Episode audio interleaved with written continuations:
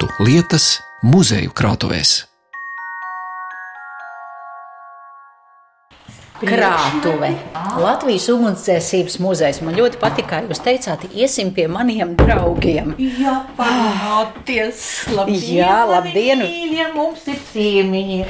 Nu, tagad nepiliet mani, pastāstiet visu, to skaistāko, apslēptāko un varbūt to, ka jūs man nestāstat. Man jau visi priekšmeti ir mīļi. Un es nolēmu, ka es pastāstīšu par cilvēkiem, kuri dāvina. Tie nav ugunsdzēsēji. Tā saka valsts ugunsdzēsības un glābšanas dienesta Latvijas ugunsdzēsības muzeja krājuma nodaļas vadītāja Janīna Kleina, ievedot mani krājumā, kur glabājas ķīveres, cirvīši, fotografijas, karogi. Vienā vārdā sakot, viss, kas attiecas uz Latvijas ugunsdzēsības vēsturi. Un šeit mēs uzzināsim, kā biedrību karogi, nozīmītas un hidropults nonāca muzejā, ko tie stāsta par brīvprātīgo ugunsdzēsēju biedrībām Latvijas pirmās brīvvalsts laikā un kādas tolaik bija brīvprātīgo ugunsdzēsēju pamatprofesijas. Un vēl kāda afiša mums vēstīs par to, kādas varenas loterijas balvas tika izlozētas 1934. gadā Liepājas ugunsdzēsēju ballē. Bet nu par visu pēc kārtas. Viens par visiem, visi par vienu. Šis latīņu sakāvārds, ko mēs visbiežāk asociējam ar Aleksandra Dimā romānu Trīs musketieri varoņiem, ir mūsu valsts ugunsdzēsēja devīze kopš 19. gadsimta 60. un 70. gadiem, kad šeit sāka veidoties organizētas brīvprātīgo ugunsdzēsēju biedrības. Iesākumā šis sauklis uz karogiem, kausiem, ķiverēm un citas ugunsdzēsēju attribūtikas tika rakstīts vācu valodā, bet nodibinoties Latvijas republikai, to sāka rakstīt valsts valodā. Sudrabotiem diegiem šis uzraksts ir izšūts uz karoga, ko rāda Janīna Kleina. Tas ir ilūkstas brīvprātīgas ugunsdzēsēju biedrības karoks, un viņam liktenis ir ļoti interesants. Viņš ir darināts 1930. gadā. Jā, bet izšūts gada skaitlis uz karoga 1867. Kā jūs man gribat piekiet, dibināta biedrība. Un šai biedrībai bija pirmais karoks. Un viņš gāja bojā. Tad ilūkstas ugunsdzēsēji Un arī iedzīvotāji ziedoja naudu 129 latus un pasūtīja jaunu karogu. Un tagad šeit mums otrā pusītē tur ir tikai devīze. Viens par visiem, visi par vienu. Un man ir fotografija, pirmais karoks. Un viņam bija viena pusīte tieši tāda pati, Tātad e, ģerbonis, kurā Jā. ir izšūts pakaļkājās saslējies zirgs. Aiztulis. Tiešām tāds branks, rumaks, Jā. sidraba diedziņiem izšūts lai. Nu, līdz 30. gadiem un pat 30. ugunsdzēsējiem taču bija zirgi. Pareizi. Viņi ar... taču Ar ko tad veida tās ūdens, jā. mucas un visu? Jā, sudraba zīmes. Sudra ar sudraba diegiem. jā. jā. Un biedrības nosaukums Ilūkstes pilsētas brīvprātīgā ugunsdzēsēju biedrība. Nu, un dibināšanas gads. Uz tāda lašu krāsas zīda tas pamats ir un tas tumšais ģerbonis un ar, diegiem. ar zeltītiem zīda diegiem izšūts tas biedrības nosaukums. Taču, kā krājuma nodaļas vadītāja teica raidījuma sākumā, tad viņa piemin tos cilvēkus, pateicoties kuriem tie vai citi priekšmeti ir nonākuši krājumā. Dodoties bēgļu gaitās otrā pasaules kara nogalē, šo karogu un tā kāta uzgali sev līdzi paņēma ilūksts brīvprātīgo biedrības priekšnieks Jānis Skrimblis, un pagājušā gadsimta 90. gadu sākumā to atpakaļ uz dzimteni atveda Indianapolisas Universitātes profesore Ligita Krūmkalne. Ilūkstas brīvprātīgas ugunsdzēsēju biedrības priekšnieks, kurš kara laikā Viņš aizbrauca prom uz Ameriku. Emigrēja. emigrēja un neskatoties uz to, ka savas mantas bija arī ierobežota iespēja aizvest, viņš izveda šo karogu, karoga kāta uzgali. Protams, karoga kātu ar naglām tas nebija iespējams izvest. Fotogrāfijas izveda ap 30 un dokumentus. Un tad bija paslēpts tur, Indianapolis štatā, un tad, kad viņš nomira, atbrauca juriste profesore Ligita Krūmkalne pie mums 90. gadu sākumā, un tīrot bēniņus savā mājā, viņa atrada šīs mūsu relikvijas. Un cilvēks bija nu, tik pretim nākošs, kā atveda pie mums, uzdāvināja to, un tagad mēs lepojamies gan ar karogu, gan ar fotografijām, gan ar dokumentiem. Nu, un skaists karoga kā ta uzgalis. Te mēs redzam, jā, ugunsdzēsēji to ķīveri un sakrustoti divi cirvi, ko parasti jā. izmanto, lai mājā, kur degošā mītnē Nu, te ir aukla. Tas, kas jau ugunsdzēsēji jā. darba rīki. Bet tad, tad viņš devās bēgļu gaitās, nu es pieņemu 1944. gadā. Jā, tieši 44. gadā. Bet nu, tas man šķiet tik aizkustinoši. Mēs iedomājamies, nu, ja, ja jādodas ir bēgļu gaitās, nu, ko cilvēks ņem līdzi dokumentus, ēdamo kaut kādas vērts lietas, ko pa ceļam izdevības gadījumā var samainīt, lai varētu izdzīvot. Bet ka lūk šis skrimļa kungs, mm -hmm. ka viņš paņem līdzi karogu, biedrības karogu, karoga to uzgali un fotografijas. Kādu vērtību cilvēks ņem ceļā līdzi, nezinot, kas viņu sagaida nākotnē? Un paskatieties, cik labi viņš ir saglabājies. Grūti pateikt, varbūt tas zīts ir laika gaitā pabalējis, bet nu Noteikti. nekur mēs neredzam Ne. nekādus kožu izēstus Ne. caurumus. Viņš slēpa, trīs gadus vismaz viņš slēpa tepat Latvijā. Droši vien mēs nezinām bēgļu nometnēs Jā, Vācijā un jā. tad pāri okeānam uz Ameriku. Jāpiebilst, ka Ligita Krumkalne nav nekāda radiniece minētajam ilūgstes ugunsdzēsēju priekšniekam. Vienkārši laimīgas sagadīšanās pēc ir uzgājusi gan karogu, gan fotogrāfijas, kas nu muzejniekiem sniedz taustāmas liecības par ilūgstes ugunsdzēsēju biedrības vēsturi. Vietu lietas. Kā liecina ugunsdzēsēju organizācijas nosaukums Brīvprātīgo ugunsdzēsēju biedrība, tad šo biedrību pārstāvju maizes darbs bija pavisam kas cits. Pedagogi, mediķi, arhitekti, mākslinieki un citu profesiju pārstāvji bija tie, kas 20. gadsimta pirmajā pusē brīvprātīgi darbojās ugunsdzēsēju rindās. Par to turpina Janīna Kleina. Cēsīs nozīmīgākie cilvēki bija arī brīvprātīgu ugunsdzēsēju biedri. Piemēram, Cēsīs Vanadziņš, viņš bija pilsētas galva un ārsts. Johansons, viņš arī bija vetārsts. Tātad viņam savs darbs bija un tā ugunsdzēsība uz brīvprātīgas pamatiem. Un Augusts Johansons. kara dienestā iegūs veterināru felčera diplomu ar atzinību un izcilām sekmēm.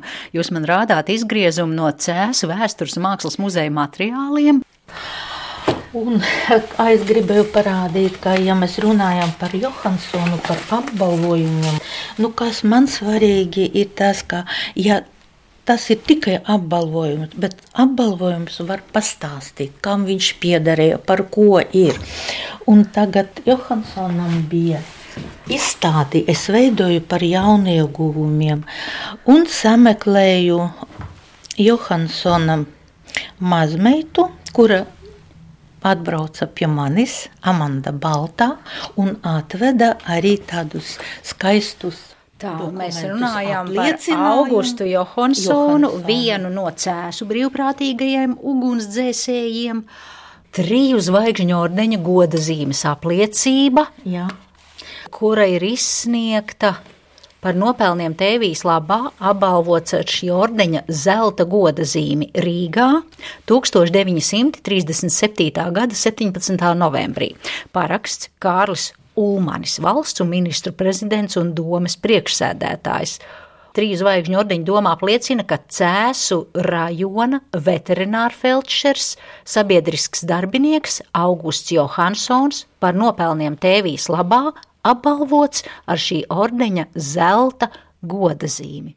Bet es mēģinu saprast, nu, ja tie, jūs sakāt, tie cilvēki, ka viņi bija tur vai pilsētas domē, vai viņi Jā. bija ārsti un tiesneši. Jā. Nu, prestižs amats un ugunsdzēsējs, tas taču tomēr bija riskants. Un toreiz Jā. tas nebija jau tas aprīkojums tāds, kāds ir mūsdienās. Tur viņi riskēja taču savu dzīvību.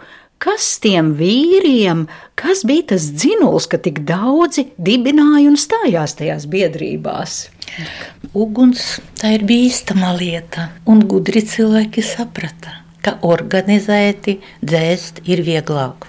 Ātrāk izbraukt, vienmēr nokļūs vajadzīgajā laikā. Paskatieties, kaut vai mēs skatāmies te, Tā ir ugunsdzēsēju mašīna. Bet sanitārā, sanitārā ugunsdzēsēju. Bet mums kas tagad ir?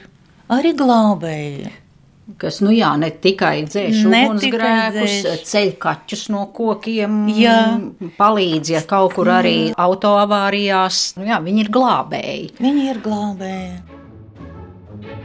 Turpinot citēt Cēzu vēstures un mākslas muzeja materiālu, uzzinām, ka ugunsdzēsēju biedrības dalībnieki parasti bija vietējās sabiedrības redzamākie pārstāvji. Izņēmums nebija arī Cēsis, kur ilgus gadus biedrības priekšnieks bija pilsētas galva ārsts Kārlis Vanadziņš, bet viens no aktīvākajiem un vecākajiem biedrības biedriem Cēsīs bija rajona veterinārfeldšeris Augusts Johansons. 30. gados Cēsīs ugunsdzēsēju rīcībā bija trīs automašīnas un speciāli būvētā sanitārā mašīna, kuras iekšējo iekārtošanu veica ārsts Vanadziņš. Par vienu no nozīmīgākajiem notikumiem savā darbībā ugunsdzēsēju biedrība uzskatīja Krimuldas sanatorijas ugunsgrēka likvidāciju. Ugunsdzēsēji piedalījās arī kārtības uzturēšanā pilsētā, un kuriozs bija gadījums, kad ugunsdzēsēji trauksme aicināja pulcēties dzēsējus, lai palīdzētu noķert no cietuma saimniecības izbēgušu bulli. Sākoties Otrajam pasaules karam, ugunsdzēsēji formas tērpos dežūrēja Cēzu pilsētas ielās, raugoties, lai nenotiktu nekārtības un veikalu laupīšanas. Citāta beigas bet turpinājumā Janīna Kleina ir izlikusi apskatēji piemiņas zīmes no Latvijas pirmās brīvvalsts laika, kas arī ir atceļojušas no Amerikas Savienotajām valstīm un liecina par ugunsdzēsības vēsturi. Un 21. gads pagājušā gadsimta visas biedrības apvienojās Latvijas ugunsdzēsēju savienībā. Tikko ir dzimusi un izveidojusies Latvijas brīvvalsts pirmā Un arī ugunsdzēsēji. Un ugunsdzēsēji. Nu, un vēlāk kās mums kaimiņos Lietuvā un Igaunijā. Un bija dibināta arī Baltijas valstu ugunsdzēsēju savienību apvienība. Un tagad mēs nonācam pie otrā ļoti zīmīga cilvēka, kurš daudz ko ir darījis arī ugunsdzēsēju labā. Tas ir Jānis Vilhelms Orleāns, kurš arī bija emigrējis un atveda viņa dēls mums uzdāvināja apbalvojumus. Bet es gribu parādīt jums šo nozīmi, jo tad, kad dibināta tieši Baltijas valstu ugunsdzēsēju savienību apvienība, tad nolēma pirmajā konferencē, ka noteikti jādibina arī kaut kādu tādu zīmīgu nozīmi. Es gribēju parādīt jums tikai to nozīmi, apstiprināja konferencē. Tā, un šo, es jā. skatos šobrīd uz nu, tādu, cik varētu būt kaut kādi 3 cm diametrā nozīme saules staros. Ir aplis, un tajā aplī mēs redzam triju Baltijas valstu karogus. Un, jā, tas ugunsdzēsēja simbols ķīver ar tiem diviem cirvīšiem sakrustotiem. Pirmā konference piedalījās tikai 15 cilvēki, un šī nozīme tieši par godu šai konferencei. Kam piešķīra tādas nozīmes? Tiem 15 delegātiem, pārstāvjiem. Un konferences notika katru gadu un mainījās. Vienreiz Latvijā, vienreiz Igaunijā, vienreiz Lietuvā. Tika izskatīti jautājumi tieši par ugunsdrošību, par dzēšanu. Bet tad, tad par Tas ir- Jāni Vilhelmu Orleānu. Jā, viņš bija arhitekts. Bet viņš bija arī, kā mēs te lasām, Rīgas pilsētas ugunsdzēsības nodaļas priekšnieks no 1937. līdz 1940. gadam. Jā, viņš arī bija Latvijas ugunsdzēsības savienības eh, padomes loceklis. Viņš piedalījās vienmēr konferencēs. Redziet, visi apbalvojumi viņam. No apbalvojumu cilvēkam bija daudz, ja Bet cilvēks. tad viņš arī strā- šo, nē, tas ir, tas ir. Jā, to nodeva viņš. To To nodeva nodeva viņš. Orleāns. Tātad- Un arī viņš jā, ir devies bēgļu gaitās uz Vāciju un nodibinājis arhitektu biroju Vācijā. Jā. Pagājušā gadsimta 50. gados ir aizceļojis uz ASV un strādājis Dienviddakotā par būvinspektoru. Un te jūs izvēlkat Te tie, es vi- izlūkoju viņa apbalvojumi. Ā, tie visi ir saistībā ar ugunsdzēsību. gan no Lietuvas, gan no Igaunijas, no citām zemēm. Un tos viņa bērni, maz bērni nodeva, atved no Amerikas. Jā, jā. Un vēl divas skaistas rokas lentas. Starp citu, gribēja mazliet piestrādāt pie jaunas ugunsdzēsēju formas, un uh, viņš saka gatavot, bet sākās un tās viss aizgāja. Nebūtībā. Ā, tad, Orleāns gribēja izstrādāt jaunu formulu Latvijas Jā, ugunsdzēsējiem, jā, bet karš jā. sākās otrais Jā, jā. pasaules, un tas viss palika, tā teikt, ne, nepabeigts. Tas Lukas pārsteidz, ja, ka viņš ir bijis arhitekts. Jā. Un te, brīvajā laikā palīdzējis dzēst ugunsgrēkus Rīgā.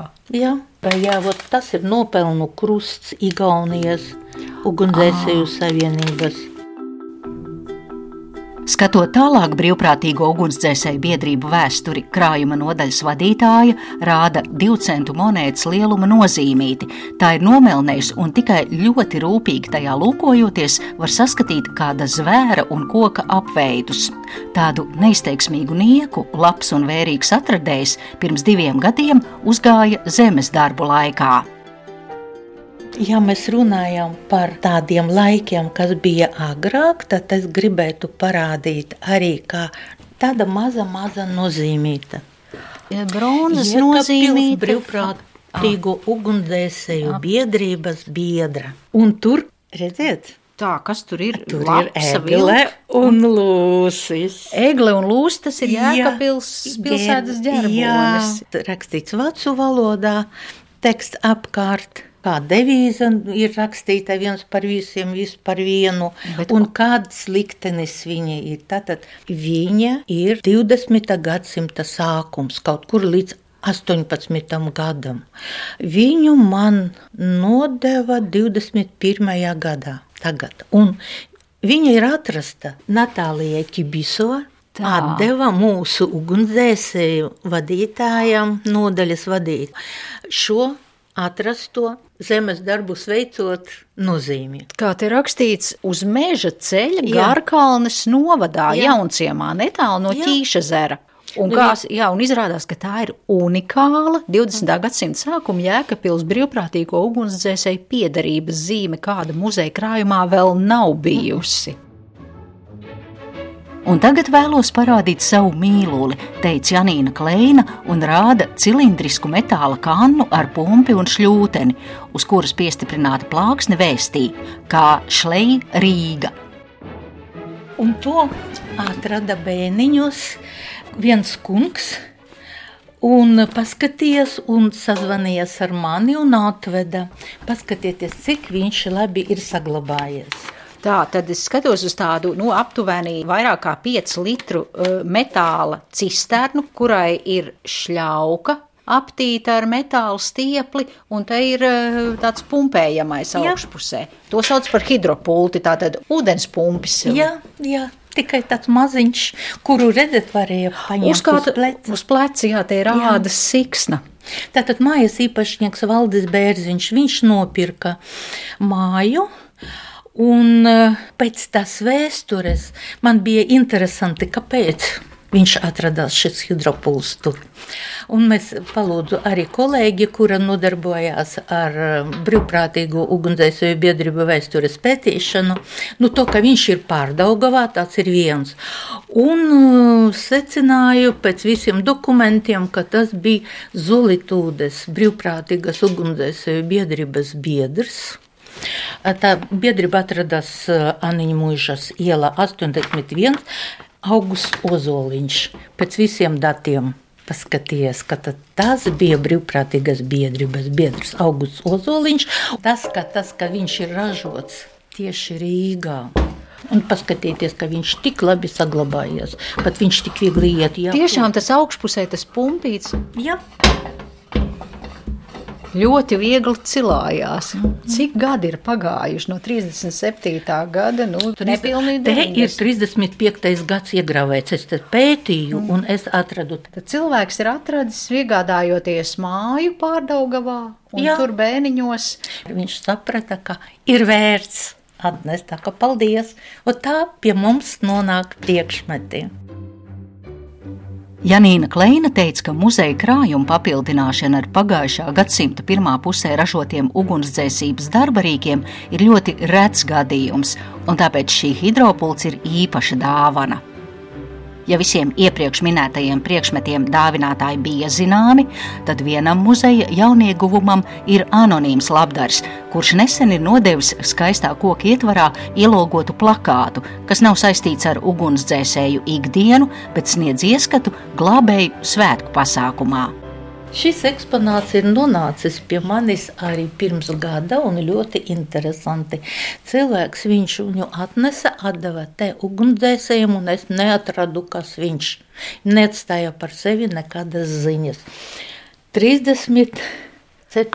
gads, paskatieties, cik labi saglabājies priekšmeti. Runa ir par plakātu. Pasākumu plakātu.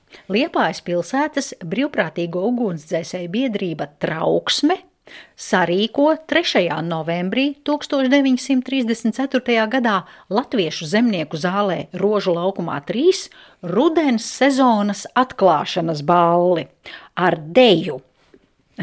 Man ļoti patīk, ka to laikam rakstīja viens skaitlī, kad nevis ar Jā. dejām, bet ar deju. Jā. Ieja viens lats, beigas pulksten četros rītā, mīlas pasts, omulība un jautrība.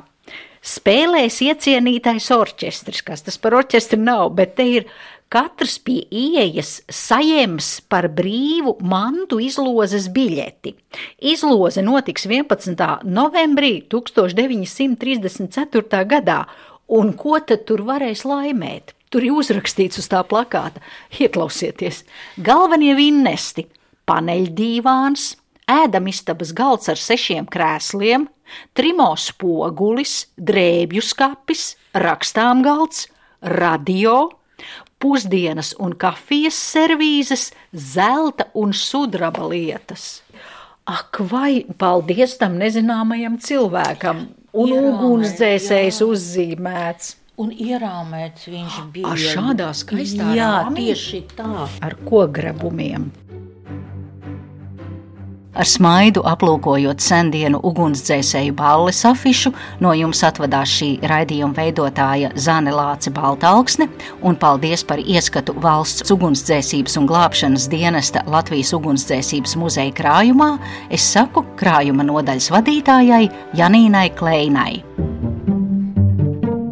Vietu lietas.